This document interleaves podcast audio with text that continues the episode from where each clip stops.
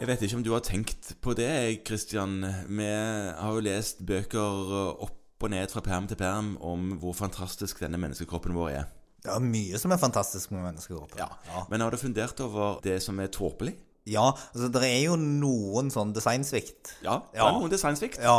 Pusterør og spiserør som ligger så tett at man kan dø hvis man får noe mat ned i feil hull. ja, det kunne vært design annerledes. Ja. Ja. Hvorfor må det være så smertefullt å ha mensen? Det trengte det kanskje ikke å være. Jeg skjønner at man må blø, men eh, de smertene Altså, de, de er jo ikke nyttige. Nei, ikke Nei. nyttige. Nei. Ikke nyttige i det hele Nei. tatt. Ikke for arbeidslivet engang. Nei, og så har du jo nei, I hvert fall ikke for de. Nei. Til en viss grad nyttig for legemiddelindustrien. Det kan du si. Ja, ja. Men så har du jo den unyttige over alle unyttige. Det er jo blindtarmen. Ja, tonsillen og drøvelen òg. Ja. Men blindtarmen tar du opp, ja. Ja. Eh, og nå er du inne på noe, fordi at eh, ikke, Hvorfor heter det blindtarm? ja, Det er en blindvei. Er det derfor, ja? Jeg må ja. tippe det, at det, du kommer ikke noe videre eh, Nei, for, det- for det er jo ikke der. noe det er- Dette er det jo mye teorier på, vet jeg. Ja. Ut ifra hvilket, eh, hvilket utviklingssyn du har. Ja. Jaha, men den henger nå der og dingler og er fullt av sånn der han er lymfatisk vev. ja, ja. Ja. Men man har i alle fall ikke funnet ut at det er noen eh, downside med å bare fjerne hele driten. Nei, og derfor så er det jo sånn at kommer man inn og har litt vondt i den Om man mistenker at det er noe, noe der, så tar man den bort. Ja, eh, selv om jeg syns nok de siste årene at li- litt oftere enn før bare har fått høydose antibiotika og blitt sendt gjennom Jo igjen. da, det kan du si. Men nå, eh, det jeg egentlig ville snakke om, var at selv om noen av disse organene som den fantastiske menneskekroppen vår har innretta seg med, er tåpelige og unødvendige, så er det i tillegg sånn at man kan få sykdom, dels alvorlig sykdom, i noen av disse organene som man øyensynlig ikke egentlig behøver å ha. Ja vel. Ja. Og da er jeg inne på en meget sjelden kreftform. Jaha. Ja. Og det er en kreft som kommer i appendix I blindtarmen. i blindtarmen. Det er noe som heter pseudomyxoma peritonei.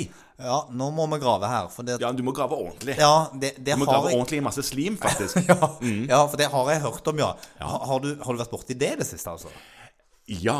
Ja. Jeg har vært så heldig å få en av de 15 eller noe sånt som det er i året i Norge. Ja, ja. Ja. for det er en uhyre sjelden kreftform. Ja. Eh, I hvert fall sånn der, så er det nok beslekta med de der andre kreftformene som går på bukhinnen. Ja. Og de indre organene. Ja. Det som er interessant, eller interessant, det som er spesielt med denne kreftformen, er jo at den noen ganger har et veldig sånn langsomt voksende forløp, der den bare genererer mye slim og elendighet i bukhulen. Å ja, slim altså, Ikke så komme ut i avføringen, altså. Nei, Nei. det sprer seg da inn i bukhulen, og på en måte det er trykksymptomene og subilus og oppløst abdomen som gir funnene. Ja, så det, så det, det er det er det pasienten kommer med. Det er mageplager, og kanskje dels gynekologiske plager for kvinner. da, Kanskje noe sånt? Ja, forståelse for kvinner, ja. Det kan det være. Ja. Eh, men nå skal vi bare gjenta det. Dette er ikke en folkesykdom. Eh, Nei. Det, det er um, sånn to til tre per million. Ja, Så dette er sebra i norsk skog. Mm-hmm. Virkelig, virkelig rømt sebra for dyreparken. så det- men så kan det også debutere som en akutt appendisitt. Ja. Ja, eh, med, med akutte eh, smerter i det området. Og man finner det jo ut når man åpner opp og, og fjerner det. ja. Ja. Prognosen er litt sånn veldig avhengig av om dette er noe du fant seint eller tidlig. Finner du det tidlig, f.eks. at det på en måte bare sitter lokalt i appendix, så er prognosen god. Tiårsoverlevelse på hvert fall over 85 Å ja, men det, ja, det er bra Det er bra. til å være den typen cancer. Men, men du sa at det var ikke alltid de ga så akutte symptom, og at de var sentvoksne og litt sånn mystiske. Nå, nå er vi jo inne på Da er prognosen dårligere. Eh, Det, det som nå er inne på, er noe som er vanskelig. Og det er at veldig ofte når vi snakker om ti års overlevelse, så snakker vi om fra diagnosetidspunktet, og ikke fra sykdomsdebuten. Ja. Og da blir det jo sånn at ting man diagnostiserer sent det, Dette gjelder jo all kreft. Det lever man jo da i utgangspunktet kortere av enn ting man diagnostiserer tidlig. Ja.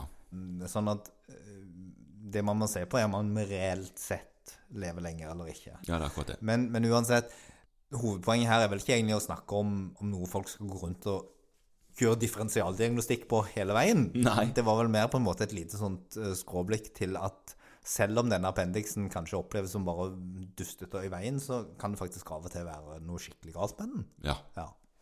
Så um, bare husk det. Men eh, du trenger ikke huske det så ofte.